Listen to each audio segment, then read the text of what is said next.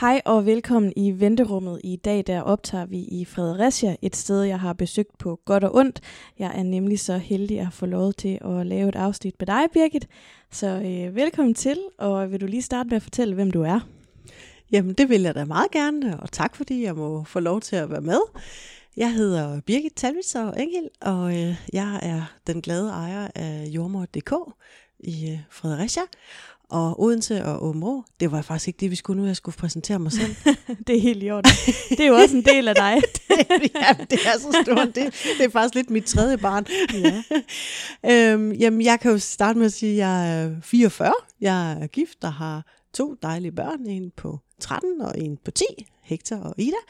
Og... Øh, har jo en stor passion omkring heste, som også optager en, en stor del af, af min tid, når ikke lige det er familie og arbejde. Øh, der er jo selvfølgelig meget arbejde, det er der jo, når man er, er jordmor. Det er jo sådan 365 dage om året, øh, næsten 24-7. ja. Øh, men for os derhjemme, der plejer vi at sige, det er jo en livsstil, og det er jo en livsstil, som hele familien er en del af. Mm. Og det har de altid været. Børnene er jo født ind i det. Ja. de er ikke blevet spurgt, men øh, det giver også nogle fordele på den lange bane. Ja. ja. Så du har selv to øh, børn, og så er du jordmor. Ja. Og du har jo også nogle ansatte her i, i klinikken. Ja. Hvad, hvad er det for en type klinik, du har? Jamen det er en, øh, en graviditet og scanningsklinik. Altså vi laver sådan set alt inden for specialet. Øh, alle typer graviditetsscanninger, både de tidlige og kønsscanninger, 3D-scanninger, diagnostiske scanninger og vægtscanninger, hvad man nu har brug for. Jeg plejer at sige, at det vi ikke har, det, det finder vi det finder vi ud af at lave, øh, fordi vi jo er, er uddannede sonografer, alle os, der er her, så vi ved jo præcis, hvad vi har med at gøre, har arbejdet mange år i det etablerede system øh, også. Og det er jo det, der giver, hvad kan man sige, erfaringsgrundlaget til at kunne, øh, kunne tilbyde hele paletten. Så har vi jommerkonsultationer, vi har barselssamtaler, vi har efterfødselssamtaler, ammehjælp, øh, private fødsler, ja, alt der ligger inden for autorisationsområdet. Men det, det vidste jeg nemlig faktisk ikke, om du havde andet end, end, øh, end scanninger, eller hvad man kan sige. Så, så det er også rart at høre. Jeg er jo aldrig kommet selv så langt i en graviditet, at jeg har nået til Nej, alt det efterfølgende. Ja. Øhm, men vil det så sige, at der er, sådan, der er en uddannelse som jordmor, og så tager man ligesom en overbygning som scanningsjordmor? Ja, det gør man. Det gør man. Øh, man har, jeg var så heldig i sin tid, at øh, nu er det jo så ja, 20 år siden, jeg blev uddannet, at dengang, øh, jeg var, der havde vi noget, der hed centerpraktik. Altså nu er det jo en bacheloruddannelse, man får, man får sig. Men dengang, øh, da jeg blev uddannet, der havde man øh, seks uger, lige inden man skulle ind og skrive den afsluttende opgave. Der, havde vi sådan, der var jo små fødesteder øh, rundt omkring i landet. De er jo øh, længe lukket nu. Øh, og jeg var meget heldig at komme til Fredericia, som var et relativt øh, lille fødested, øh, hvor jeg jo så havde en, øh, en jordmor, hvad kan man sige, back-end. Øh, jeg praktiserede sådan set som færdig jordmor, og så tilkaldte jeg hende, hvis der var behov for hjælp eller assistance. Og hun scannede.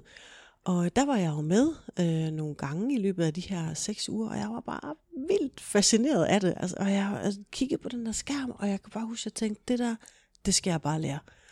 Og øh, dengang var det faktisk ikke så normalt, at det var jordmøder, der scannede. Der var det meget sygeplejersker. Og øh, jeg blev færdig som jordmor og havde fået, øh, faktisk et halvt år inden jeg blev færdig, havde jeg fået job i Kolding, øh, egentlig uddannet fra Odense. Og øh, så kom jeg jo til Kolding, og der var jo voldsomt travlt. Øh, det har jo gået lidt op og ned i perioder, men der har været mest travlt og, og mest sådan mangel på jordmøder. Mm. øh, og øh, så ville skæbnen jo, at de lukkede jo øh, Vejle og Fredericia øh, som, som de første fødeafdelinger, eller faktisk først Grænsted, og så øh, lukkede øh, Vejle, og så lukkede Fredericia, som jeg lige husker rækkefølgen. Mm. Og øh, så var der jo jordmøder fra Fredericia og Vejle, som kom, som scannede. Og jeg havde bare ikke glemt den der passion omkring det scanning. Øh, så jeg spurgte jo min øh, chef dengang, jeg siger, må jeg ikke lære at scanne? Og så kiggede hun på mig, hun var sådan, altså hvad tror du selv? Jamen, jeg er bare sådan jeg er virkelig passioneret omkring det. Okay, og hvem har du så tænkt skulle passe dine vagter på gangen? Jamen hvis jeg nu øh, passer mine vagter, altså på fuld tid selvfølgelig, og så øh, hvis jeg nu banker på ind til, hun hed Marie, hun kom fra Vejle, fantastisk kvinde. Hvis jeg nu banker på ind til Marie og spørger, om jeg bare må sidde ved siden af hende i min fritid, og så bare være der og bare mm. kigge, vil, det vil ikke genere nogen, vel? Nej, det kunne hun jo ikke sige noget til. Så jeg bankede jo på sådan, dang, dang, dang, dang. Og sådan, hej, øh, jamen, øh, jeg hedder Birgit, og jeg vil bare høre, om jeg må få lov til, og jeg skal ikke lave noget, jeg skal bare sidde og kigge, hvad du laver. Og det måtte jeg godt. Og øh, Maria var en hel del år ældre end mig.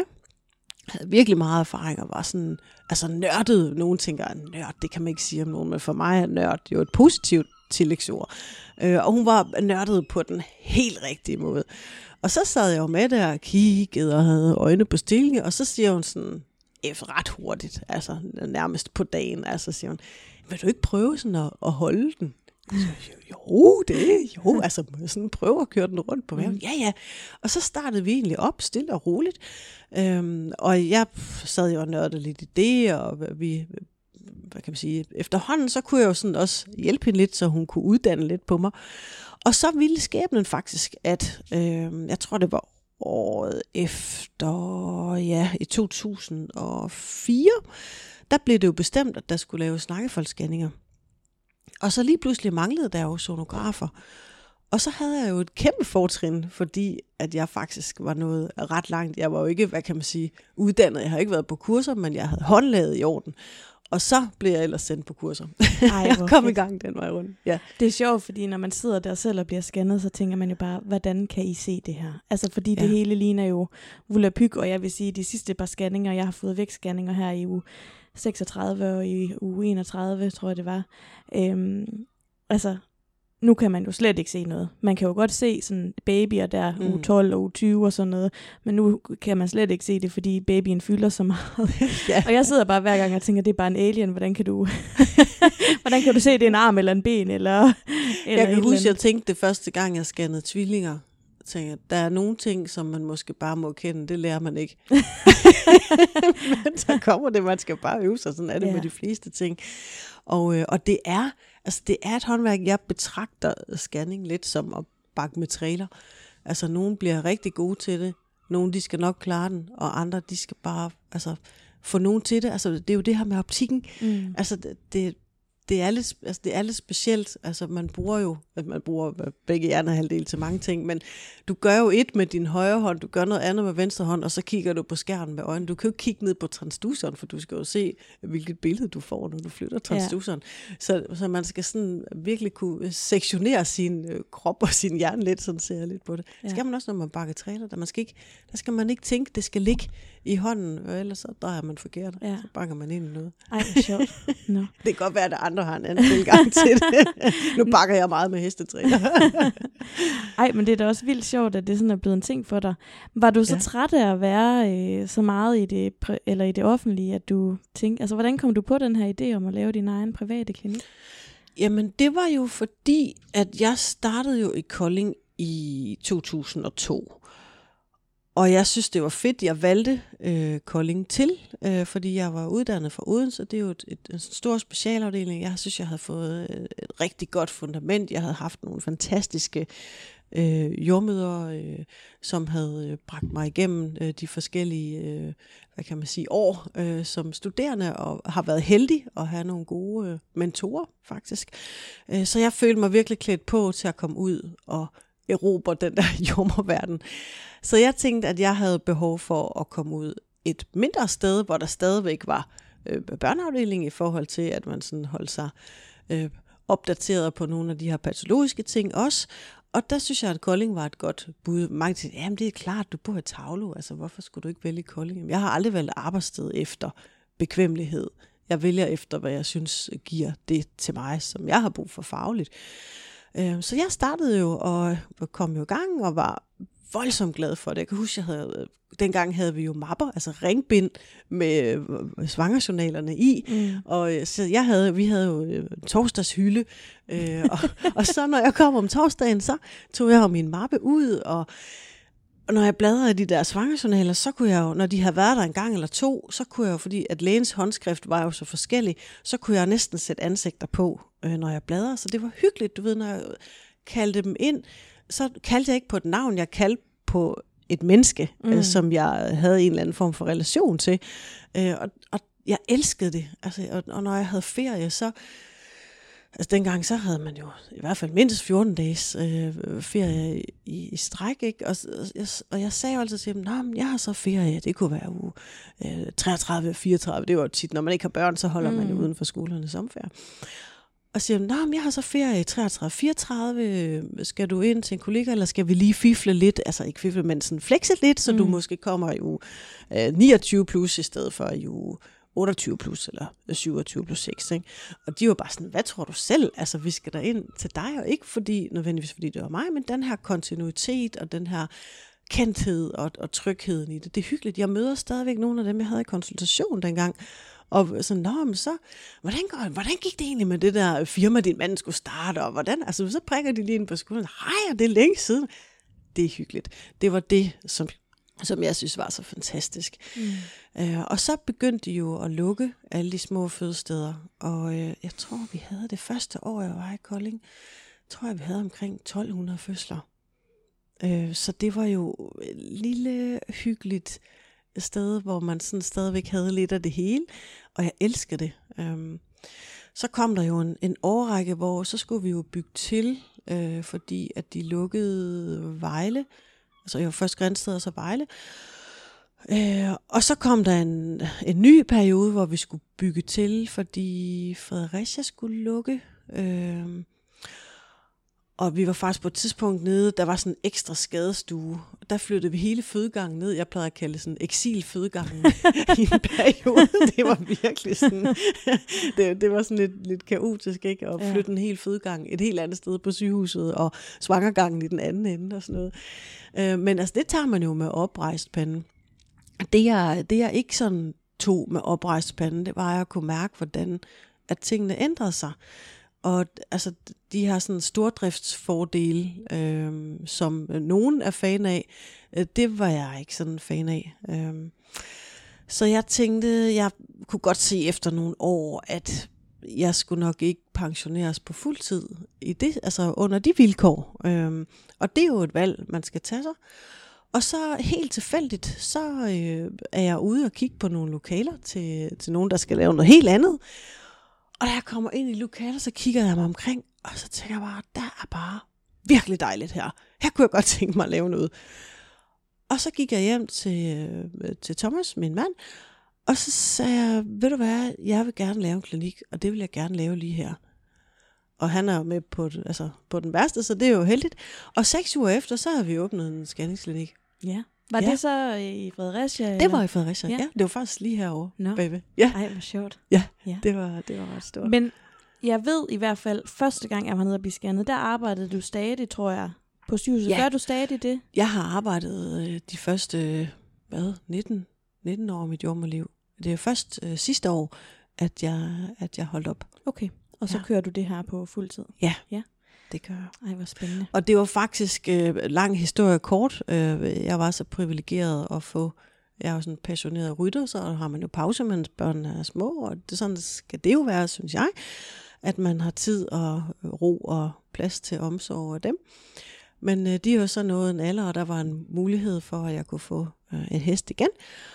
Og de, familien var sådan lidt, ja, men, jo, men det er jo også dejligt og fint, og, sådan, og børnene de var sådan noget, jamen, hvordan skal du få tid til det? Og så siger jeg, men når nu, ja, den, vi kaldte den Kalle, når nu Kalle han kommer, så må vi jo finde ud af noget med, at jeg måske stopper inde på sygehuset. Og, og så tænker jeg, det glemmer de alt om.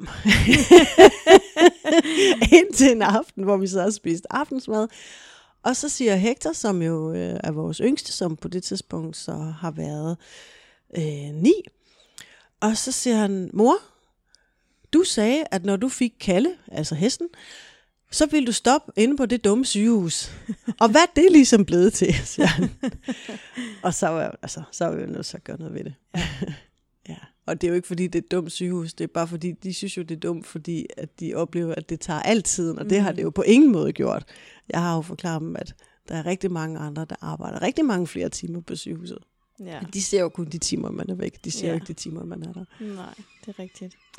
Ej, hvor fint. Det var godt at høre også, hvordan vi ligesom er kommet hertil. Ja. Fordi jeg er jo kommet her som kunde på godt og på ondt. Ja. Øhm, og det er der jo nok rigtig mange andre kvinder, øh, som, som har. Øhm, jeg tror, jeg boede i Odense første gang, jeg faktisk mm-hmm. kom herover. Mm. Jeg har aldrig været på din klinik i Odense, men, øh, men har været her jo en del gange, både med gode nyheder og med dårlige nyheder i, i min graviditet, og jeg har mm. jo min det er min sjette graviditet. Jeg har haft en øh, frivillig abort for mange år siden, og så har jeg også haft fire ufrivillige, og den her, som jeg regner med bliver en baby. Ja, det ser i hvert fald sådan ud, når jeg kigger på dig. ja, altså jeg vil sige, nu, nu regner jeg altså med det. ja, jeg, jeg satte så også hårdt på, at, og, og hvis øh, babyen skulle komme ud nu, så klarer vi også den. Ja, jamen, det er godt. Jeg og ved, vi kan også klare den her. Jeg føler mig meget trygge hænder. Jeg føder, altså normalt forløbende graviditeter, og ikke mindst fødsler, dem kan man afslutte nærmest hvor som helst. Ja. Jeg har været både i p-hus og studenterfester. Det er jo det. det er jo det. skal man ikke være bange for. Nej. Men hvordan, altså, hvordan er det for dig, sådan, der, når der kommer en masse kvinder og skal scannes? Fordi jeg ved ikke, om I laver statistik på, øh, hvor tit det går godt og hvor tit det går skidt, men oplever du sådan, at der kommer mange her, er det der i uge 7 eller 8? Altså, hvornår kommer man første gang til sådan en privat scanning, og, og hvorfor? Altså, hvad er, sådan, hvad er din oplevelse af, når folk de ligesom vælger at komme her? Altså de fleste, som kommer her, øh, er jo et sted mellem øh, 6 og 8 uger, når de kommer sådan første gang. Og det er jo nøjagtigt samme afsæt, som du havde, øh, da, når du er kommet, at man har behov for at se, at det ser rigtigt ud. Altså nu er det jo begrænset, hvad man kan se øh, i forhold til fosteret. Det er jo mest, er der et foster, er der hjerteving, eller er der ikke hjerteving. Mm. Men den her sikkerhed i, at man ikke går og glæder sig til noget, som måske ikke er udviklet helt, som man kunne forvente og håbe på. Det giver en, altså jeg vil ikke sige, at det giver en, en tryghed sådan hele vejen igennem, men det giver et godt øjebliksbillede af, at her lige nu, der ser tingene rigtigt ud, og herfra, der skal det bare udvikle sig videre.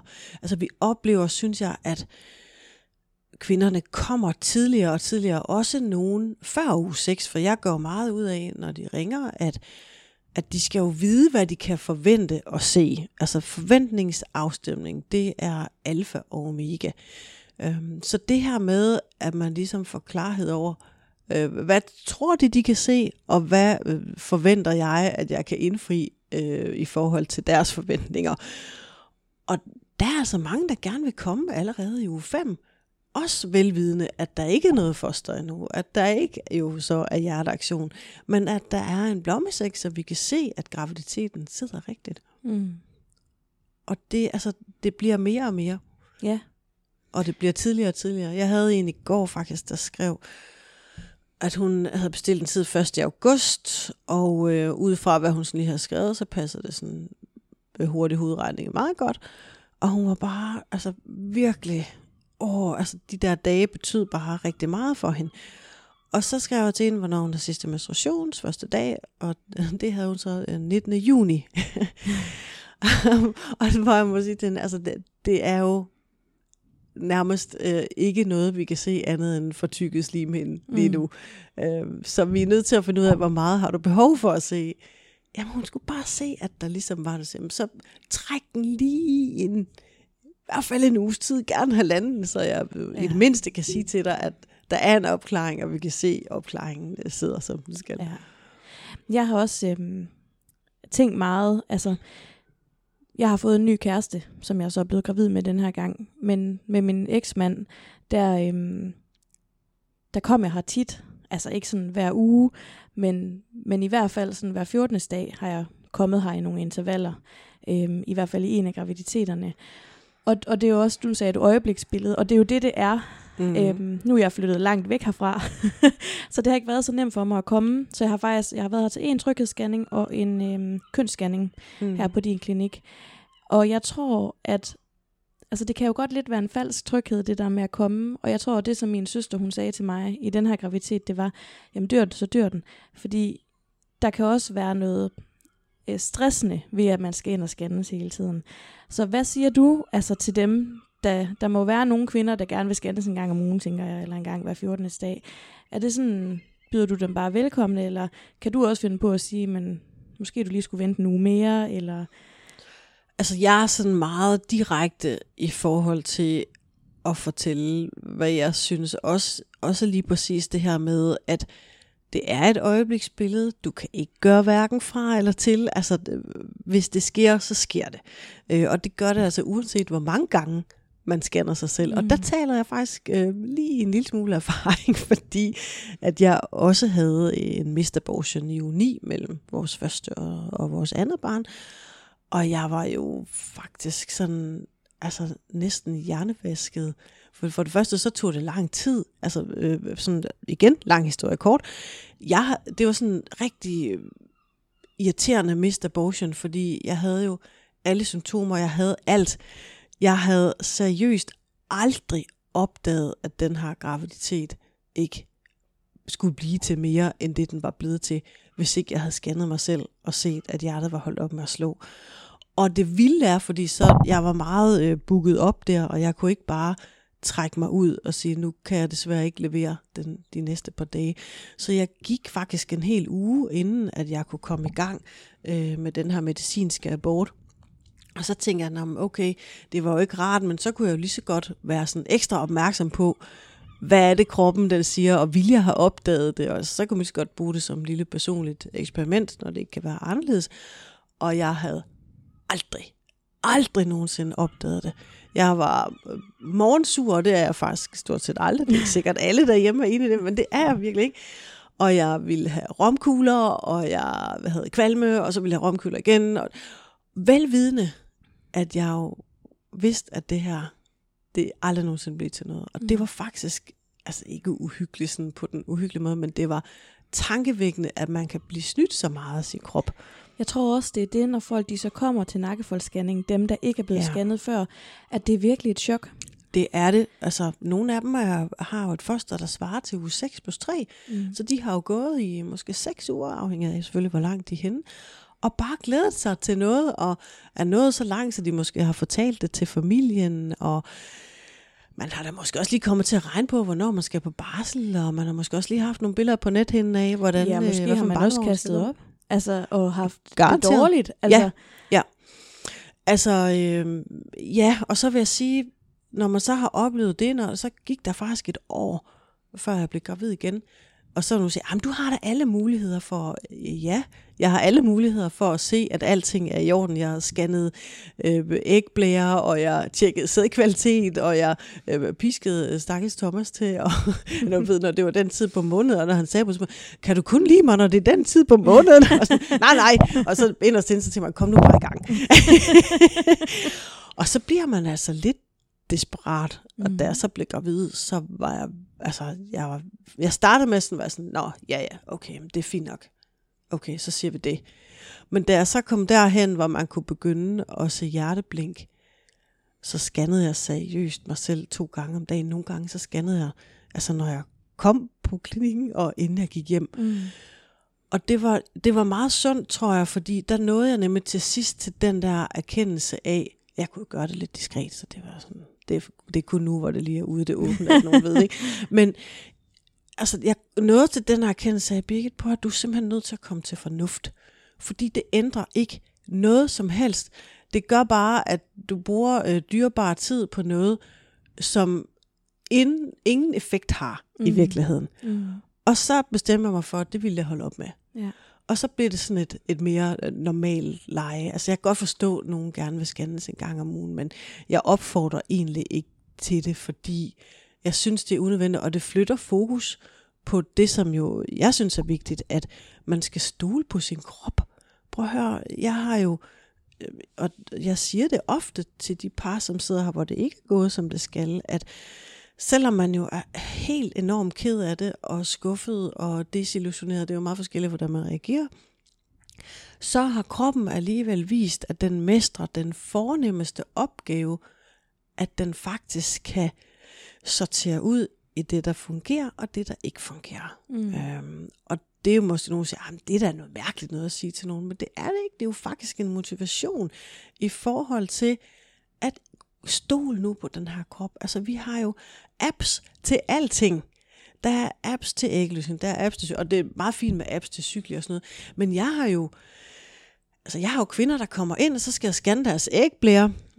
Og så siger jeg til dem, ved du hvad, øh, som jeg kan se her på scanning, så tænker jeg, at du har ægløsning omkring torsdag. Og så er der nogen, der siger, nej, det har jeg ikke. okay, nå. No. Altså, når jeg kigger på scanning, så er det ungefær torsdag. Ej. Og jeg er sådan, jo, det tror jeg nok, der Ja, min app, den siger mandag. Jamen, så er det måske der, hvor du ikke er blevet gravid endnu, mm. for eksempel. Altså, så det her med, at man putter kroppen i en app, den gider det ikke. Den har så, det ligger jo i vores DNA. Det er jo, altså, kroppen ved godt, hvad den skal. Jeg mm. synes bare, at vi holder alt for meget op med at tro på det. Ja, og jeg vil også sige, jeg tror, det er måske ikke alle, der får den der helt klare udflod, som er gummiagtig, når de har ægløsning. Men jeg kan i hvert fald huske, fordi jeg er også det, man kalder testoman, ikke? hvor jeg har både testet med sygt mange ægløsningstest og graviditetstest, altså næsten øh, gået fra det ene til det andet, ikke? Ja. og siddet og pillet dem fra hinanden, og lidt ligesom du siger, du har sådan scannet lidt for meget, så har Skal jeg testet lige op lidt det for der meget. lys der, uh, det der, ja. der, der er vinkel god, ja. der er en lille streg. Ja. Men, men det igen, altså det, det er jo bare øh, vanvittigt, fordi som du selv siger, hvis man virkelig lige mærker sin krop, lytter til den, kigger på den, undersøger den, så, så kan man godt se og høre og mærke, hvornår man har ægløsning. Ikke? Yes. Øhm, så Hvis det er man rigtigt. tager sig tiden til det, Ja. og ikke bare forlader sig på teknikker, og jeg lyder bare som sådan en gammel, vil godt sammen siger, jeg var 44, så er jeg altså heller ikke ældre, vel? Men øh, jeg mener det helt, helt fra bunden af mit hjerte. Altså, jeg synes, kvinder generelt skal være bedre til at lytte til deres krop, og jordmøder får tit skæld ud for at sige, at du skal lytte til din krop. Men de har faktisk ret. Altså, der er nogle ting, hvor man er nødt til at spørge, og det er jo også det, vi er her for. Mm. Men altså, kroppen er den bedste samarbejdspartner, man kan få, og det gælder både graviditet, og det gælder faktisk også et langt stykke hen ad vejen fødslen. Mm. Ja, og det skal vi også til at snakke om. Ja, Fordi jeg skal jo snart føde. ja Øhm, og, øhm, det ser du i hvert fald ud til. ja. Og jeg vil også sige, at du kan mærke, at nu kommer der hedebølge i de her dage, ikke? og jeg kan godt Ej, mærke sådan, hvordan ja. væsken bare sådan trænger ud i fingrene og ud i fødderne og sådan noget. Uh, ja. Øhm, så, så det er også nogle af de næste ting, vi skal snakke om, Birgit. Det er jo sådan noget, hvordan- hvordan forbereder man sig bedst på sin fødsel? Altså, jeg har egentlig tænkt, at der er jo alle de der ting, du kan købe online. Øh, smertefri fødsel og Maja-metode og øh, alt muligt, Rebozo og så videre og så videre. Der er så mange forskellige øh, klinikker, der tilbyder forskellige ting. Og jeg havde sådan de andre graviditeter, som ikke er blevet til noget, der har jeg faktisk glædet mig mega meget til at føde. Så har jeg haft den her graviditet, som jo er gået rigtig godt, været deprimeret og været stresset og presset på grund af de psykiske aspekter fra, fra at have mistet de andre mm. gange. Og der har jeg haft det sådan, åh, jeg overgår næsten ikke at forberede mig. Så har jeg så købt noget fødselsforberedelse, men, men jeg er ikke kommet i gang med det, og jeg skal jo, jeg skal jo føde lige om lidt. Mm. Øhm, så det var også noget af det, jeg sådan vil snakke med dig om. Altså, hvor- hvordan skal man, skal man forberede sig på at føde? Er det nok med, med det, som det offentlige øhm, giver os, eller hvad, hvad tænker du? Altså det gode ved øh, kroppen og, og naturens øh, gang, det er, at uanset om man har været til fødselsforberedelse eller ej, så føder man. og det er faktisk rigtig det- rart at det vide, for godt det kan høre. man godt nogle gange tænke. Med alle de tilbud, der er, kan jeg så overhovedet føde, hvis ikke jeg modtager nogen af dem? Ja, det er meget kort svar. Det kan man godt. og så vil du sige, det er da dumt at sidde og sige, når du har en klinik, der tilbyder fødselsforberedelse. Ja, ja, det kan det godt være. Men i bund og grund, så er det jo sådan, det er. Mm. Øh, vi tilbyder jo individuel fødselsforberedelse. Altså, øh, vi har haft hold og sådan noget, det har vi ikke mere. Mm.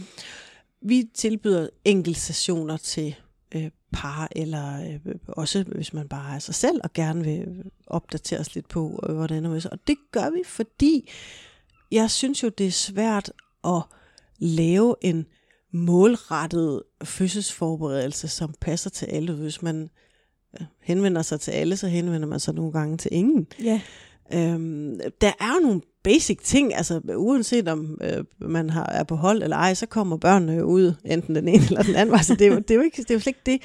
Men det her med, at man individualiserer lidt, øh, og måske fokuserer på, hvad er det for et afsæt, den her kvinde eller det her par har for fødslen.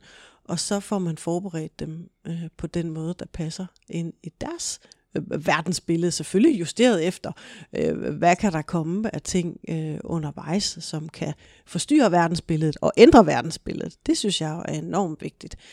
Øh, for mig at se, der starter, altså fødslen starter med, at man vil det. At man beslutter sig for, at det her, det er en fed mulighed for at frisætte hele det der potentiale, som jeg har som kvinde, det jeg er skabt til.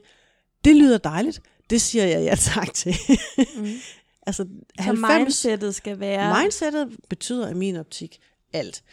Altså, jeg tror jo på, at der, der er selvfølgelig, der er jo altid nogle ting, der kan forplumre det. Man er jo ikke herre over, øh, om barnet roterer øh, asynklint ned igennem bækkenet, altså står skævt, eller om vejerne øh, er dårlige, eller om bækkenet er for smalt. Altså, altså alle de her ting kan man jo ikke gøre for. Man kan heller ikke gøre for, hvis bækkenet er for smalt. Det er jo ikke noget, man har bestilt, da mm. man bliver øh, produceret af ens forældre. Øh, man kan jo gøre en hel del i forhold til rotation af babyen, og man kan gøre rigtig meget i forhold til også til vejerne, for det hænger tit sammen med, hvordan babyen roterer. Øh, men man kan ikke gøre noget ved, hvis kvinderne siger, jeg vil ikke. Og jeg har faktisk oplevet, som jeg lige husker det, to kvinder, hvor vi var nødt til at lave et kejsersnit, for de ville ikke. Altså, de ville ikke. Og uanset hvordan vi vendte og drejede og motiverede. Altså og gjorde, var de gået i fødsel? Ja, ja, og langt. Okay. Og den ene, jeg kan stadigvæk huske det, det er mange år siden, og jeg kan stadigvæk se den der mor for mig, hun havde sin mor med, som heller ikke havde født normalt. Jeg tror stadigvæk godt, hun kunne have født normalt. Men hun, altså, hun ville ikke. Normalt, så mener du vaginalt? Ja, vaginalt. Undskyld, ja, fordi... Man kan godt komme til at Ja, det er måske også sådan lidt...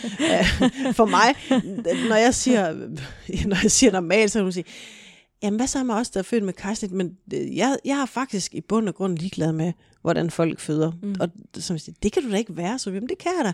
Fordi for mig, der handler det om, at kvinderne får den bedst mulige oplevelse og går ud af døren og tænker, okay, jeg kommer ikke lige igen i morgen, men jeg kommer igen den anden gang. jeg tænker da også sådan meget på det der, jeg, jeg er faktisk også ligeglad, bare at jeg overlever, barnet overlever, ja. og vi har det godt. Ja. Det, det er sådan, ja. det er det, jeg føler, det er en god fødsel. Ja, for nogen, altså jeg oplever jo, Nå, men lige bare, vi skal lige tilbage til ja. hende der, og så kommer vi lige tilbage til der. Hun, hende så, som ikke ville føde, og ikke fik født, øh, eller det gjorde hun, hun født ved kejsersnit, hendes mor, jeg kan stadigvæk høre hende for mig prædike for den her datter. Jamen det, det, jamen det er, og mor hun kunne heller ikke, og, jamen der er ikke noget at sige til, og jamen sådan er det bare skat, og sådan er det for mig, og jeg havde sådan, nu er det så mange år siden, så havde det været nu, så havde jeg nok på en øh, endnu mere direkte façon sagt, øh, prøv at høre, hvis du lige tager en pause uden for døren, så får vi lige klaret det her. Men, og det er jo det med erfaring, altså jeg ser jo øh, jordemuddannelsen lidt som et, et kørekort. man, man, man går jo ikke ud og kører ind i noget med vilje, men man bliver bare bedre til at køre bil med årene. men hun fik i hvert fald ikke øh, noget positiv energi ind i, det, i den datter der. Nej, det gjorde, det gjorde hun altså ikke, og, øh, og, og hun ville ikke. Altså hun var helt blokeret. Øh, jeg har, og det er så nogle år siden, der havde jeg også, og det var en flergangsfødende, hun var tredje eller fjerde gangs fødende. Og da hovedet sådan, jeg kunne se hovedet, så bestemte hun sig bare for, det skulle hun ikke. Ej. Altså, og det var sådan, jeg, jeg gør det ikke altså, jeg, jeg gør det ikke. Og, og jeg kan se hende, og hun er sådan, jeg tror måske endda, hun sådan har korslagte arme, og hun var sådan, du kan bare glemme det. Jeg, jeg vil ikke, jeg gør det ikke. Og, jeg, og så til at starte med som, jo, kom nu, og så tager vi lige, og så gør vi, og så hvis du lige, og hun var bare fast besluttet på, at det der, det kommer ikke til at ske. Mm. Og til sidst, jeg er ikke sådan... Men kan barnet ikke være så langt nede, at man ikke kan få et kejsersnit? Altså, hvor Nå, man jo, bliver nødt til at ikke have kejsersnit, hun skal bare få født. Ja, ja. Øh, men jeg kan love dig for, jeg er ikke, øh, altså jeg kan godt skælde ud, men jeg er ikke sådan skælde ud typen, og jeg af natur råber jeg ikke, at nogen jo en gang med, at man er nødt til at råbe efter hunden eller hesten. Eller sådan men, men det er jo noget andet. På fødegangen, der skal det virkelig, virkelig, virkelig være, der skal det være op på de høje navler, for at jeg sådan hæver decibelniveauet betragteligt. Og hun fik så mange skæld ud.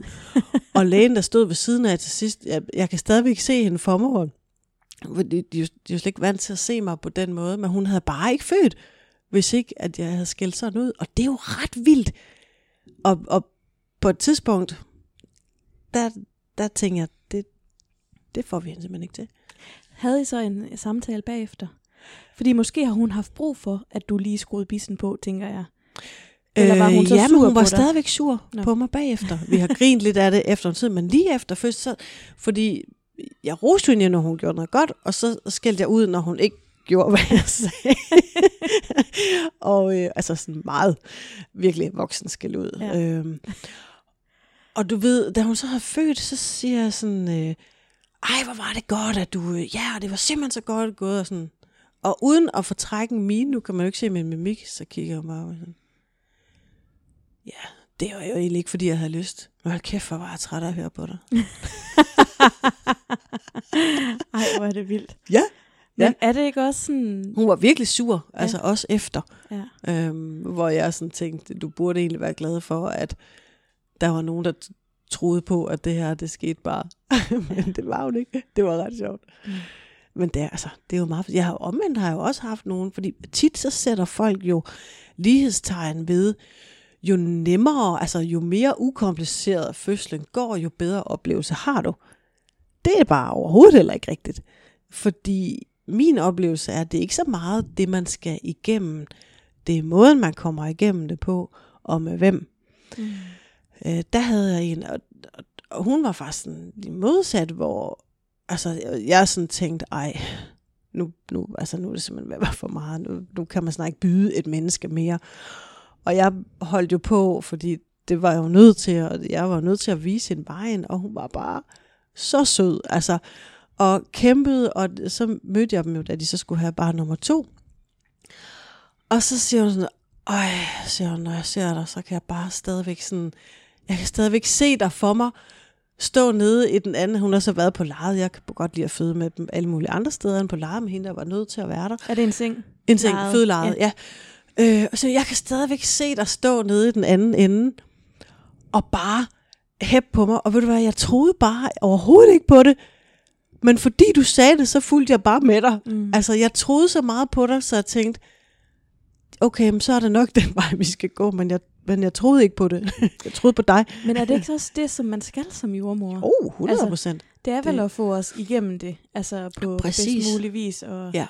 ja. Og, og motivere, altså, og man skal motivere der, hvor et kvinde nu er. Mm. Altså nu engang er det er jo meget forskellige mennesker, og det er jo det, jeg synes, der er mega sjovt. At det bliver jo aldrig kedeligt. Nej. Tænk, hvis det var den samme slags mennesker, så er jeg bare sådan en maskine, så kunne jeg gå ind og sige det samme, og gøre det samme, og være på samme måde. Den går altså ikke her. Hvad hvis man har dårlig kemi? For der er jo nogle mennesker, man bare har dårlig kemi med. Ja, altså, så synes jeg jo, altså, i og med, at 90% af fødslen i min optik foregår i hovedet, så synes jeg jo, man skal tage konsekvensen, og så bede om et skift. Det skal den fødende gøre. Hvis jeg kommer ind og skal føde, og kan mærke, der er dårlig kemi, så skal jeg sige, det her det fungerer ikke for mig. Eller hvad, hvad, hvad gør Altså, jeg? det kommer selvfølgelig an på omstændighederne, og skal man også give folk en chance, Mm. men en gang imellem sker der også naturlige skift til vagtskiftet. Altså, mm. hvor det kan da godt være, at den jordmor ikke skal hjem, men så laver man lige en bytter. Okay. Og det har jeg da også prøvet, altså hvor jeg overtager en stue, og, og så får man, jeg kan egentlig bedst lide, at når man sådan får en afrapportering, at så handler det om alt det faglige. Jeg skal nok finde ud af, hvad mennesker det er, fordi at det har man jo forskellige afsæt til. Og, øhm, og der har jeg da prøvet at komme ind på en stue, hvor jeg sådan tænkte, med alt det, jeg har hørt om dem, er jeg så gået forkert? Fordi det kan jeg slet ikke genkende. Mm. Og, og det jo handler jo et langt stykke hen ad vejen om kemi. Mm. Det er godt at høre, Ja. at det kan gå begge veje. det kan gå begge For jeg veje. tror egentlig, det er noget, som mange bekymrer sig om. Det er i hvert fald noget, jeg selv tænker meget over. Ja, Fordi jeg er også, jeg er selv sådan en, åh, det skal Ja. lige være den rigtige, tror jeg, der skal ind til mig. ja. Altså man ved jo ikke, hvem den rigtige er, fordi man ændrer sig jo også i situationen. Mm. Det kan jo godt være en, hvor man tænker, okay, dig havde jeg måske ikke behov for at se min fritid, men du var bare mega god til at guide mig igennem, fordi du var lige den, jeg havde brug for lige der. Men typemæssigt var du ellers ikke en, jeg sådan ville omgås. Nej. Altså, man ved det ikke. Det er så forskelligt. Jeg synes jo, det, det er jo min fornemmeste opgave at finde ud af lynhurtigt, hvad er det for mennesker? Hvor er de henne? Øh, hvad er hvad kan man sige, sindstilstanden? Øh, nu tænker jeg ikke generelt, nu tænker jeg lige her nu i fødslen. Og så pejler man sig ind på, hvad er, hvad er behovet? Mm. Og så, og så er man i gang. Ja. det er spændende. Ja. Jeg er jo tyk, øhm, og derfor er der nogle risikoer. Øh, jeg ved ikke, om man kalder det en højrisikofødsel. Det tror jeg ikke, man gør. Men der er i hvert fald nogle ting, jeg ikke har måttet. Jeg må ikke føde hjemme. Jeg er heller ikke pladet om det. Øhm, egentlig så tror jeg, at hvis jeg havde boet i en lidt større by, end jeg gør nu, så ville jeg gerne have født hjemme. Mm. Men fordi jeg bor sådan, jeg skal føde på Esbjerg sygehus, Mm. fordi jeg bor så langt væk, så øhm, har jeg det egentlig fint med at komme på sygehuset. Og så har jeg noget sygdomsangst, så, så jeg er bange for blødning bagefter. Øhm, så derfor så er jeg i den der sårbare kategori, og mm. har fået lov at lige blive lidt ekstra bagefter og sådan noget. Men øhm, altså, du har jo også set alle slags kvinder føde, så det er også rart for mig måske lige at høre, hvad, hvad tænker du om en, en tyk, der skal føde? Jeg kalder det tyk og ikke overvægtig, fordi jeg synes ikke, der er noget, der er over eller under. Men det er lidt ligesom det der med, er det normal eller er det vaginal? Altså jeg, jeg er sådan ufattelig fleksibel med ordvalg og ting, fordi man skal jo bare snakke sig til rette om det. Jeg bliver ikke sådan indigneret over særlig meget. Måske også derfor, det har været nemt for mig at være jordmor. der står man også model til lidt at være det. Jeg tager det ikke så tungt. Altså, øhm, Altså, oplever, altså det er mere det der med, oplever du, der er flere komplikationer? Fordi der er jo en lille bitte, bitte øh, forhøjet risiko, altså sådan noget minimal inden for forskning. Og, og, det er jo, og, og der siger, skælder man jo fra BMI fra, er det 30 eller 35? Og så kan man sige, men så er der nogen, der ligger på 30, der er måske nogen, der ligger på 50, men er det så dem, altså, der har det svært, eller kan det også være en på øh, BMI på 29, der har en svær fødsel? Altså i min optik, så er der enormt stor forskel på, hvordan man er tyk. Og, og det, hvordan kan man sige, at forskel på, hvordan man er tyk, et BMI er et BMI. Ja, ja, men som vi snakkede om tidligere, så øh, en BMI-skala kender ikke forskel på ens fundamentale fysiske form, ens mindset. Jeg tog 40 kilo på, da jeg var gravid. Flot. Ja, er det ikke? Er der? Havde jeg gjort det, så havde de jo sagt, at jeg skulle føde ved kejsersnit, tror jeg. Jamen, jeg, var, jeg var så tyk, så to dage efter jeg havde født, så kom sekretæren, da jeg stod ved kaffeautomaten, og siger, Nå, men det er jo også lige ved at være op over. Træls. det er bare 40 kilo og træls. og jeg, altså, jeg kan huske, at det eneste, der var i mit hoved, og, altså, og det var mærkeligt, var, jeg tog så meget på, fordi, nej, det var det ikke, for jeg, jeg, jeg kunne godt spise mindre kage. Men e, jeg spiste ikke nok til, at det gav så mange kilo, så det gav faktisk ikke mening. Men jeg har generelt nemt ved at tage på, øh, og det er lidt, lidt, det er faktisk irriterende. Øh, men sådan er det, og så eskalerede det, der var Men jeg var i gang. Jeg red til, jeg var i uge 32, og jeg ordnede stald dagen inden jeg fødte. Og sådan noget. Altså, så jeg var jo tyk, men jeg var i gang. Så jeg vidste jo, at min grundsubstans inden under alt det, jeg havde fået udenpå, og jo havde i forvejen, at den var faktisk ret okay. Så det eneste, jeg havde i mit hoved, det var, at jeg skulle mobiliseres under fødslen. Altså ikke noget med at ligge pacificeret på et fødeleje eller en seng. Det betyder, at du synes, der skal være noget bevægelse. Yes, man Mm. skal op og rundt og ned og frem og tilbage, så det her øh, hoved får hjælp til at rotere ned igennem bækkenet. Man øh, forandrer jo også bækkenets diameter ved at ændre position. Altså man kan faktisk forøge bækkenets diameter med adskillige centimeter, hvis man går fra rygliggende til knæ albuleje, altså på alle fire. Mm. Øhm, så nej, altså jeg oplever ikke, at det er mere bøvlet. Jo, det er bøvlet, hvis du har nogen, du slet ikke kan få til at bevæge sig. Men det oplever jeg bare ikke rigtigt, for det ligger jo i det, vi har snakket om. Motivation der med, okay, prøv at høre her. Vi laver lige en aftale, og den hedder det og det. Og når jeg siger sådan og sådan, så gør du det. Er det en aftale? Jeg sådan, ja, men det er fint, godt. Ja. Så er man ligesom videre derfra. Jeg er jo så gammel, så jeg har jo født med... Der var jo en gang, der ikke var regler om, hvornår man måtte føde vand, for eksempel. Mm. Mm. Så jeg har da født med overvægtige kvinder med tidligere kejsersnit i vand. Mm. For det var jo ikke farligt dengang. Øhm, og, og så kan man sige, jamen, det var da vanvittigt. Mm, Nej, det var det ikke, for det var, det var ikke farligt. Det var ikke et issue dengang. Mm. Men jeg ville jo aldrig, heller ikke dengang, have puttet hende i vand, hvis ikke vi havde en aftale. Altså, jeg sørger altid for at sige til øh, kvinder, øh, som, hvor man kan tænke, er den, sådan, er den lige på kanten af, om jeg kan få hende op af karret lynhurtigt, hvis det skal være. Så kigger man dem dybt i øjnene og siger, prøv at høre her, du må gerne komme i vand. Hvis jeg siger til dig, at du skal op, så er det ikke om en halv V, eller en V, eller to V'er. Så er det nu. Mm. Og ikke noget jamen, ikke noget, jeg skal lige, og det kan jeg ikke. Så er det op. Og hvis vi kan lave en aftale om det, så er du i. det er jo faktisk også det, de har sagt til mig. Ja. Og jeg tænker, jamen altså Christian, han hjælper mig allerede med at få mig op af sofaen nu, så han ja. kan godt hjælpe mig med at få op af det ja. kar. og jeg kan også sagtens tage fat. Altså ja. det er jo ikke sådan, at jeg står med hænderne over kors og siger, Nå, nu øh, får du lige hende der op af det der kar. Man er jo også stærk, når man er tyk. Altså jeg er jo vant til at rejse mig fra et kar, og jeg er Prøv jo vant til at bevæge mig. Og, og det er jo det, man glemmer lidt. Ja. Altså, øh, der, som, der er mange måder at være tyk på. Ja. Du kan også være øh, tyndfed ja. og fuldstændig ude af form og være meget, meget slank, men ingen kraft at have og ingen vilje have til at skulle føde det her barn, eller til at skulle op af det her kar. Så jeg, jeg kigger ikke så meget på fysik, jeg kigger på rigtig mange andre ting, mm. fordi jeg har erfaret, at det er det, som betyder noget. Ja. Og det er jo min opgave at finde ud af, hvor er de her mennesker hen? Ja. Hvor meget kan man presse dem? Hvor kan man få dem hen? Hvad kan man gøre sammen? Og hvad kan man sådan få dem ud af?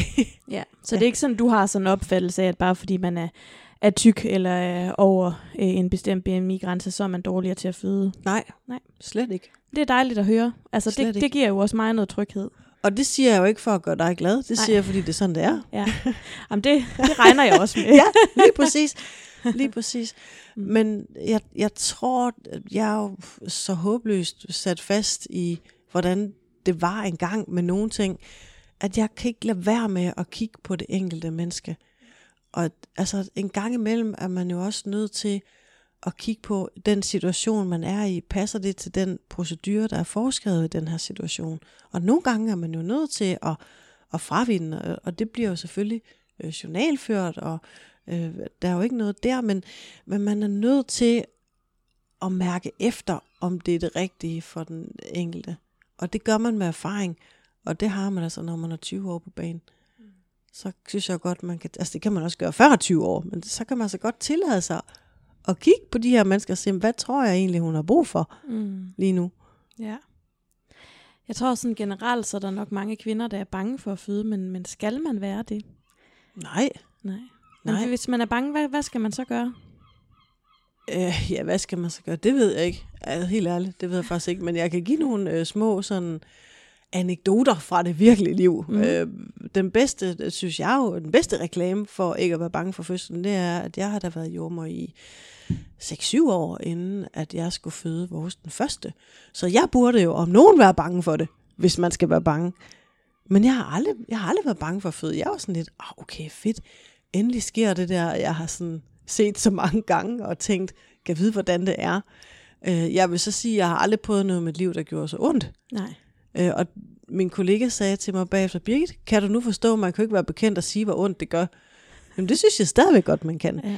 Men jeg vil sige det på den måde, at det er det mest fantastiske i hele mit liv. Og det er meget sjovt, fordi inden jeg fødte selv, der havde jeg sådan en idé om, at man har, glemt cirka 50% af det i det øjeblik, at barnet kommer op på maven. Og det er faktisk ikke helt forkert. Og jeg kan stadigvæk godt huske, det gør ondt, og jeg kan også nogle gange mærke det i min krop, når jeg er på arbejde. Sådan, jeg, jeg kan godt sådan tage mig selv i og sådan stå og klemme benet sammen.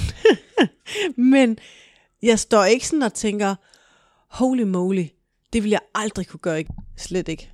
Mm. Altså, jeg har aldrig været bange for Jeg ser jo alle de gange, det går godt. Mm. Jeg har jo mest gode forløb, og det er jo fordi, jeg skældner jo ikke imellem, føder man med eller uden indgreb og komplikationer.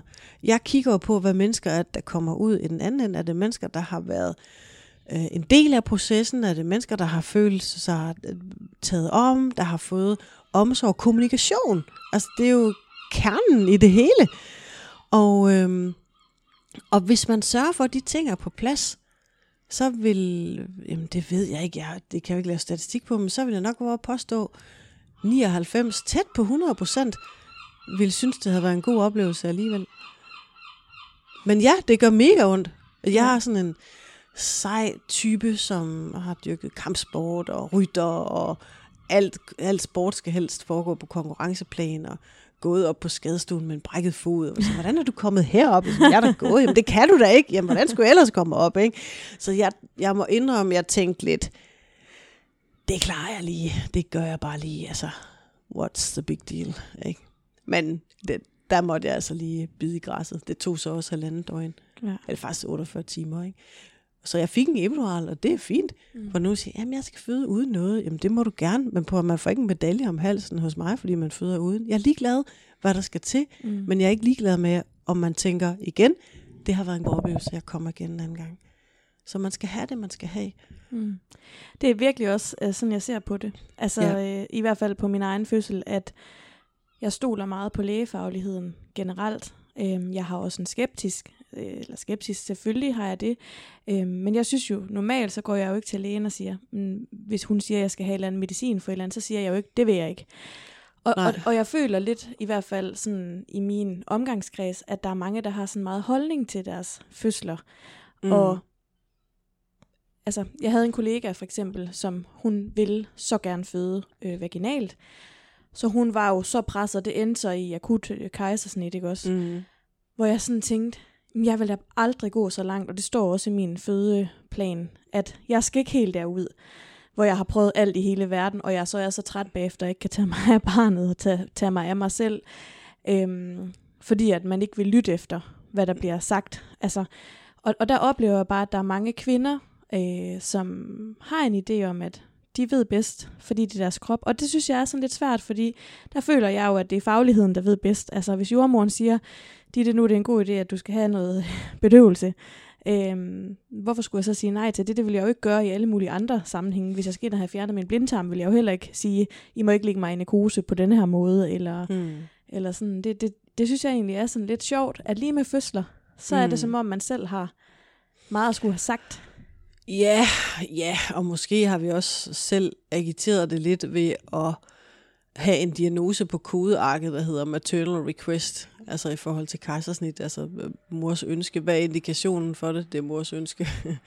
Jeg har jo aldrig forstået, at den skulle på kodearket, for at være helt ærlig. Øhm, men, men det er rigtigt, altså der er mange, der har en holdning. Jeg kan jo godt lide, at man har en holdning til, hvad man godt kunne tænke sig, eller hvad man gerne vil, eller hvad man drømmer om. Men altså et meget sådan vigtigt øh, kerneord, hvis man kan kalde noget det, det er omstillingsparathed. Og så tænker man, ej, nu lyder du som sådan en virksomhed, så ejer, der har en produktion med 200 ansatte. Nej, det er jeg ikke, og det bliver jeg aldrig.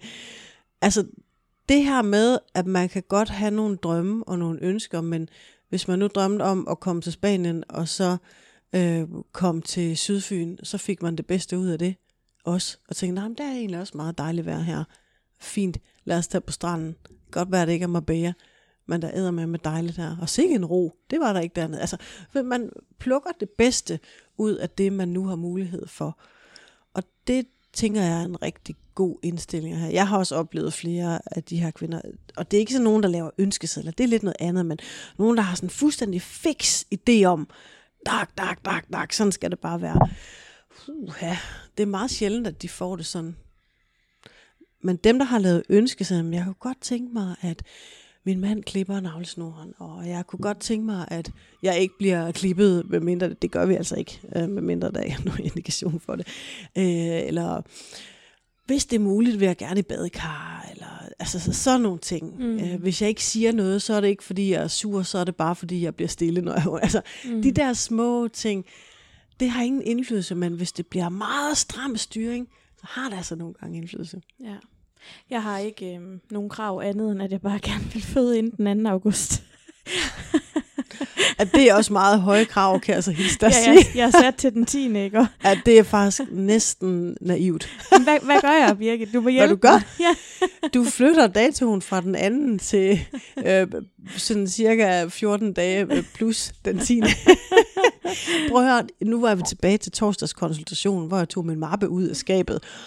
Og den gang, der gav man jo tider frem. Øh, der fik de jo altid på en gang, for det var altid mig, der var der om torsdagen, så det var dejligt nemt. Og, øh, og så gav jeg dem tid. Dengang gik man jo til 42 plus, og så fik de tid til uge 42. Og øh, ja, 98 procent af dem har jo kigget på mig som, dem behøver du ikke give mig den der. Jo, jo, den får du lige alligevel, så ses vi. og jeg har delt med set mange af dem. Men min mor, hun fødte også før tid, og det er jo fordi, der kommer en ny barselslov.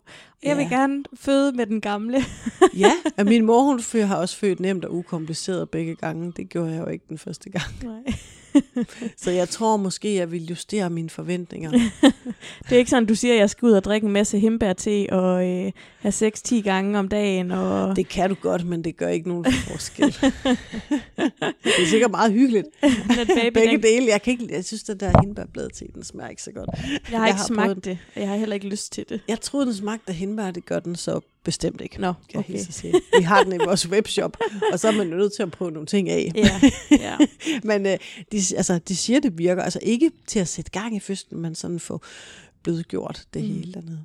Mm. Hvordan kan jeg så mærke, når det er i gang? Altså jeg har følt de sidste par dage, at nu har jeg haft mange måneder, jeg har haft rigtig mange smerter. Øhm, øhm, i generelt hele graviditeten. Sådan, jeg, jeg får lidt ondt. Øhm, jeg tror, at det er en blanding af ligamentsmerter og plukvejer.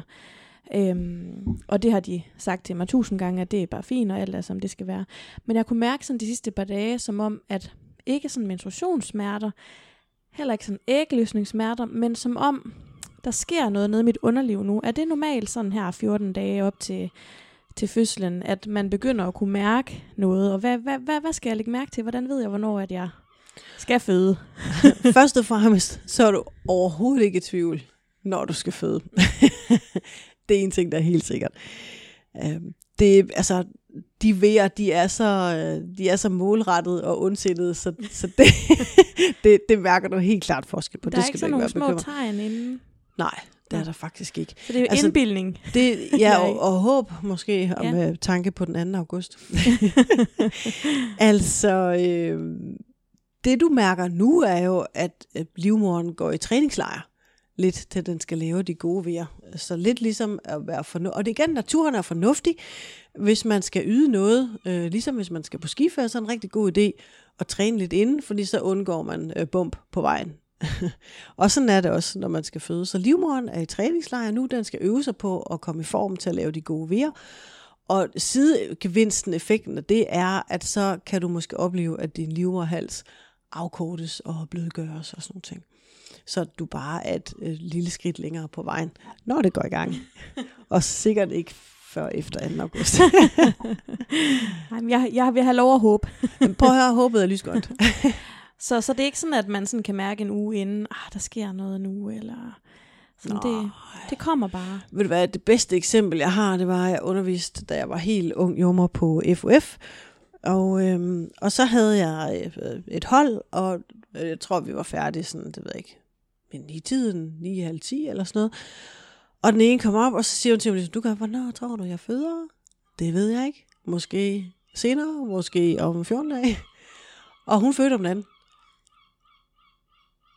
Altså, ja, det kan ske. ikke ud af det blå, for vi vidste jo godt, hun skulle føde. Men ja. øh, det siger bare noget om, at det kan man ikke spore. Nej. Sidste for i sommer, der var jo til studenterfest der endte det også med en uplanlagt hjemmefødsel i soveværelset hos værtsparet. Det var da dejligt, du var der så. ja, ja. Ej, det var nu meget sødt, for hun var 5 cm. Jeg havde godt kigget og sådan tænkt, okay, hun ser ud, som om hun har lund hende. Og så kommer, øh, så kommer og kan du ikke lige prøve at kigge på Malene, fordi øh, jeg tror så hun er ved. Og så var hun faktisk øh, bup, bup, omkring 5 cm og de kom fra Augustenborg. Og vi var herude i Tralle, så der var lige en, en god times kørsel. Men jo ikke mere, end man kunne køre til Kolding, og så altså, kunne hun jo føde der og blive kigget på, eller køre til Åben Rå, mm. og hun skulle faktisk føde i Åben Rå. Og så siger jeg til hende, prøv at høre her, hvad tænker du, altså hvad, hvad, har du, altså, hvad har du lyst til? Hvad, jeg kan godt køre med dig, for jeg havde ikke drukket. Og, øh, og så kigger sådan på mig siger, jeg vil bare allerhelst bare gerne være her sammen med dig. Jeg føler mig så tryg. Okay, men så skal vi lige spørge, om vi må føde herinde.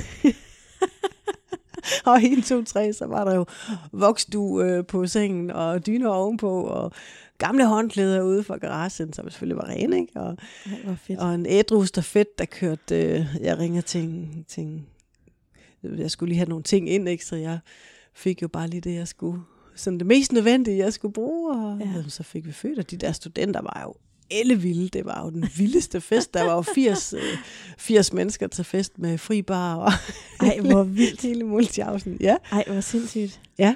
Det var da helt vildt. Fantastisk. Det var vildt, ja. Men man skal ikke så ringe efter en jordmor, der så er ansat på et sygehus? Det bestemmer man jo sådan ja. set selv. Okay. Mm. Altså, jeg vil ikke anbefale nogen at føde i et dølsmål, altså uden, men mm. nu var jeg der jo, så er det jo ikke. Det kunne lige så godt være mig som en eller anden. Ja. Ej, hvor fedt. Mm-hmm. Så har jeg øh, til sidst, så har jeg lige en, et par spørgsmål, som jeg har spurgt på Instagram, hvis jeg skulle ja. snakke med en jordmor, om der var nogen, der havde Ej, nogle spørgsmål. så det er, ikke, øhm, det er ikke mig, der har spurgt om det her. Mm. Øh, der er så den første... Og du der... har en veninde, der har en, så, som kender nogen. Ja, de typer kender jeg godt. det, er, det er faktisk en reel brev, brev, brevkasse. Men jeg, jeg, jeg, har, spurgt, jeg har spurgt om... Øhm, den, det første spørgsmål, det er, hvordan ved jeg, hvornår min fødsel er gået i gang? Det har, det har du svaret på. Ja. Øhm, så er der en, der spørger, er der noget, man kan undgå, altså kan man gøre noget for at undgå en stjernekigger?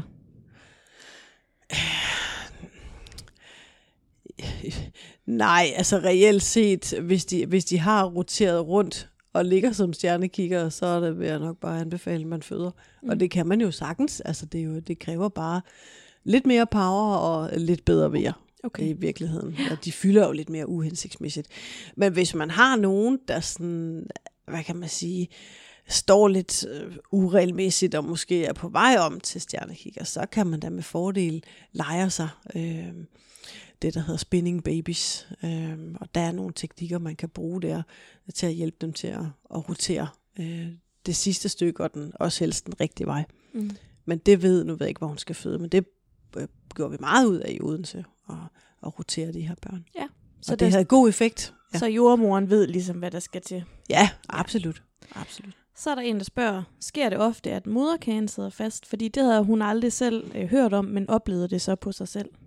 Nej, heldigvis ikke så ofte. Jeg kan faktisk ikke huske, hvornår jeg har haft en sådan sidst. Nej, det er heldigvis sjældent. Det lyder heller ikke rart, for så skal man sådan have masseret maven lige efter man er født, ikke på sådan en...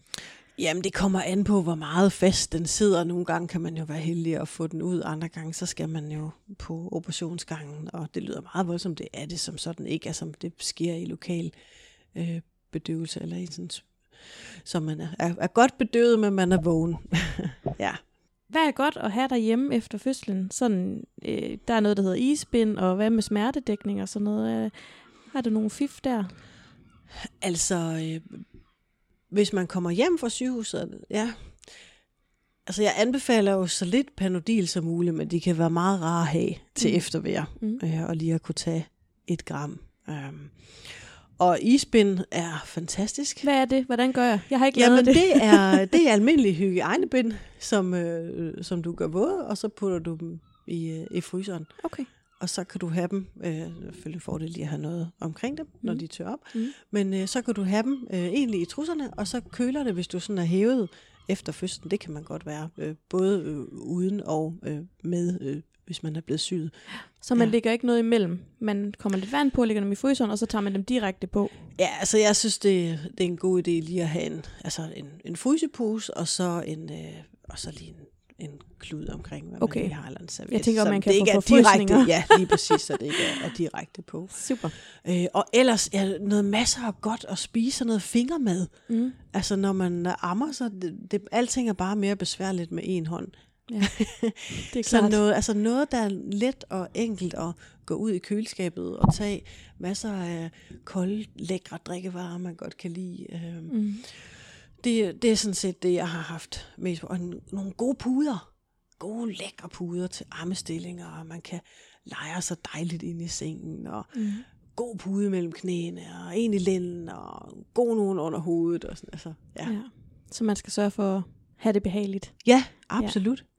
Kan man forberede sig for meget eller for lidt? Vi har jo lidt talt om det. Øh, jamen, det kommer jo an på, hvad ens mindset og indstilling er. Jeg tror godt, man kan, altså man kan godt forberede sig så meget, så alting kommer for meget i kasser. Øh, og så skal det være sådan, for ellers så er det forkert. Så passer det ikke til de kasser, man nu har lavet. Øh, og man kan forberede sig for lidt, Nej, det kan man jo principielt ikke, fordi der er jo en jordmor, som er ansat øh, og på arbejde til at fortælle en, hvad man skal gøre. Så det, hvis jeg skulle sammenligne det med noget, så skulle det vel svare til, at man skal, at der er to, der skal bakke med en trailer. Den ene har trailerkørekort, den anden har ikke. Men det betyder ikke, at den uden trailerkørekort ikke kan, for så sidder der en ved siden af.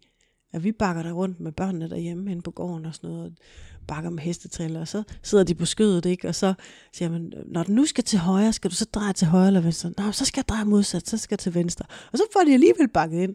Da Lille han sagde i går på fyldpladsen, da vi var ude med byggeaffald, siger han, ej mor, jeg bakker altså bedre end ham der mand i den der Tesla med trailer på, siger han. så det er jo egentlig et meget godt bevis på, at hvis man har en god guide, øh, og en dedikeret guide, engageret, passioneret guide, så skal man nok få bakket den trailer. Man skal nok få født det der barn. Mm. Ja. Og øhm, hvad så med amning? Altså øh, sådan helt kort. Jeg har sådan en idé om, at jeg har meget brug for søvn. Jeg håber, og jeg har snakket meget med min sundhedsplejerske om, at det kunne være rigtig fedt, hvis jeg kun skulle fuldamme sådan den første måned eller to, og så man kunne begynde at malke ud, og så give flaske om natten, sådan så jeg kunne have nogle nætter, hvor jeg måske fik mere end tre timer søvn ad gangen.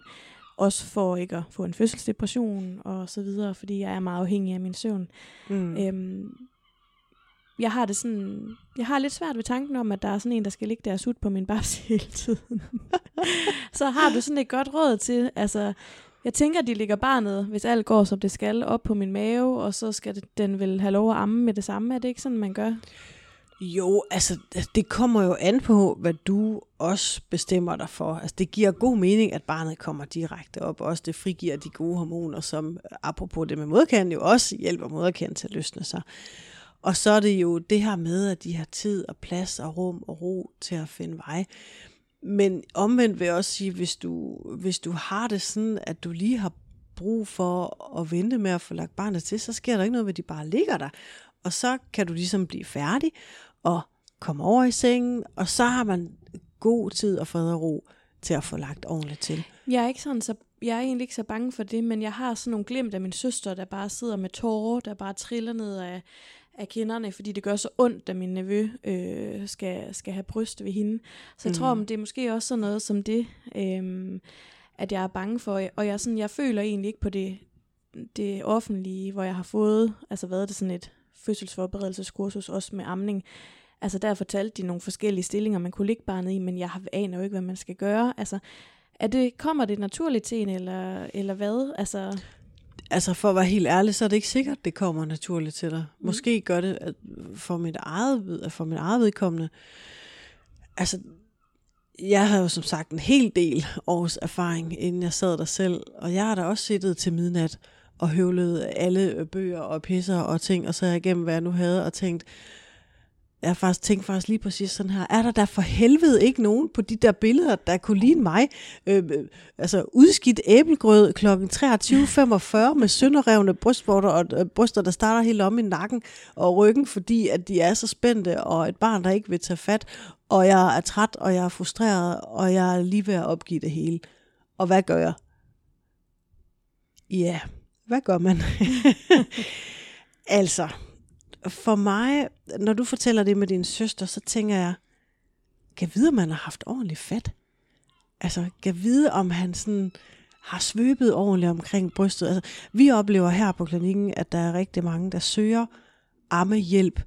Ikke fordi, at de nødvendigvis tænker, at de ikke kan, men fordi, at de vil gerne have den sidste fine-tuning øh, og finjustering på plads. Og jeg synes, det er meget, meget sjældent, at jeg kommer ud til nogen til ammehjælp, hvor det er sådan store ting, der skal laves om. Som regel er det bitte små fif, tips, tricks, øh, husmor-ting. Det behøver man ikke engang at være jordmor for at udtænke, men nogle gange mås- måske virker det bedre, fordi det er så en jordmor, der kommer. Jeg ved det ikke. Men også ting, som jeg selv har fundet ud af, når jeg ikke kunne få tingene til at fungere. Jeg tænker, okay, men det virker åbenbart ikke på den her måde, som det står i bøgerne. Hvad fanden gør jeg så? Mm. Okay, men så må Storm P. jo i gang. Hvis jeg så lægger hende der, og så trækker hende ned, og så tror hun, hun sutter på det andet bryst, og så snyder jeg hende lige agtigt. Og så virker det. Mm. Jamen, så er det jo det, der skal til. Og det er jo sådan nogle ting, som man har brug for. Man har brug for, at der kommer en ud, som har tid og plads og rum og ro. Jeg har aldrig, når jeg er på hjemmebesøg, jeg har aldrig booket noget efterfølgende, så jeg skal sidde og holde øje med tiden. Og det er et mm. kæmpe privilegie, det ved jeg godt. Men det er jo øh, det, jeg har som privilegie som privatpraktiserende, og det er det, som forældrene har som privilegie, når de får en ud, som ikke har nogen bagkant. Jeg tror også, det, det, det forestiller mig måske også, at jeg godt kunne have, have lyst til at få en ud. Ja. Øhm, fordi det kan godt være, at man kan google, men, men kom, altså normalt, altså nu ved jeg, at jeg måske skal være indlagt en dag eller to ekstra, mm. øhm, hvis jeg har lyst til det. Men, men kommer man hjem efter fem timer, du får jo ikke barnet med hjem med en manual. Jeg ved godt, der findes Google, men det har man måske ikke lige overskud til at sidde og se YouTube-videoer omkring, hvordan man skal amme. Og men prøv høre, det kan du, at du kan ikke se YouTube-videoer, når du har et barn, der skriger det. 120 decibel, øh, og dine hormoner er fuldstændig et stort inferno, og du er frustreret, og manden ved ikke, hvad han skal gøre. Han kan heller ikke gøre for det, så man kan ikke bebrejde ham. Men der skal man altså have et menneske, der kommer ud, sætter sig ned, kigger på dig og baby og siger, nu skal du høre her. Mm. Nu starter vi lige med at gøre det her. Hvis ikke det virker, så har vi en plan B, og så har vi en plan C, mm. og så arbejder man sig frem til at finde ud af, hvad er det, der virker lige her, for det er jo individuelt. Man ved det ikke. Nej. Og det synes jeg også er lidt skræmmende, at man så ikke får det med i pakken. Jeg ved godt, der kommer en sundhedsplejerske efter fem dage, men fem dage det er også lang tid at vente på, at der kommer en og hjælper en med armen, hvis man bliver sendt hjem efter fire timer. Der kan man, altså, i, i Odense, hvor jeg jo så har været de sidste mange år, der har vi jo sådan en fast procedur om, at når man bliver sendt hjem ambulant, så bliver man ringet op, selvfølgelig dagen efter, og man bliver tilbudt et hjembesøg. Okay. Ja, så det, altså, man bliver ikke bare sendt hjem, okay. og så overladt til sig selv, indtil sundhedspladsen kommer, heldigvis. Nå, det er godt at høre. Ja. ja. Til sidst, ja. har du et uh, godt råd til mig, som skal føde lige her om lidt? Ja, det har jeg. Øh, de kommer sådan lige i punktform. Øh, omstillingsparathed, jeg skal prøve. øh, mobilisering får dig rørt på den der fødestue, hvad med at lægge dig flat. Man føder jo, altså hovedet er det tungeste på barnet. Og hvis du ligger i en seng, så føder du lidt hovedet ned i sengen, mere end du føder det ud. Få noget at spise. Sørg for at holde blodsukker, og det er nærmest lige meget hvad. Øh, du skal bare have noget energi. Og så skal du huske at tømme din blære, så der er plads til, at det hoved kan komme ned. Og så den sidste, du skal ville det. Du skal bestemme dig for det. Her er det en kæmpe chance for at opleve noget, som man oplever meget få gange i sit liv. Som er så stort, at man kan slet ikke beskrive det. Man kan slet ikke forestille sig det. Du kan snakke med tusind kvinder fra nu, og du vil stadigvæk ikke vide, hvordan det er, når du er færdig med at snakke med dem. Det skal bare prøves. Fedt. Tusind tak. Inden at jeg siger tak til dig, så vil jeg faktisk også sige tak til din mand. Øh, han er her ikke, men både fra mig og min veninde, som har ringet i desperate øjeblikke, har det oftest været ham, vi har snakket med. Ja. Og han er der bare et hjertevarmt og dejligt menneske, som virkelig formår at få os kvinder til at føle os godt tilpas. Og jeg bliver helt rørt, når jeg siger det. Fordi det bliver han også, når jeg fortæller ham det. det må du altså gå hjem og sige ja, til ham. det gør For jeg tænker, at der er rigtig mange kvinder, som har snakket med ham i telefon. Ikke fordi, at det ikke er rart at snakke med dig. men, Nej, men han er faktisk nogle gange næsten bedre til Han det. er faktisk virkelig, virkelig, virkelig god og sød ja. og rar og dejlig. Og øh, Birgit, tusind tak, fordi du havde lyst til at være med. Selvfølgelig. Tak, fordi jeg måtte være.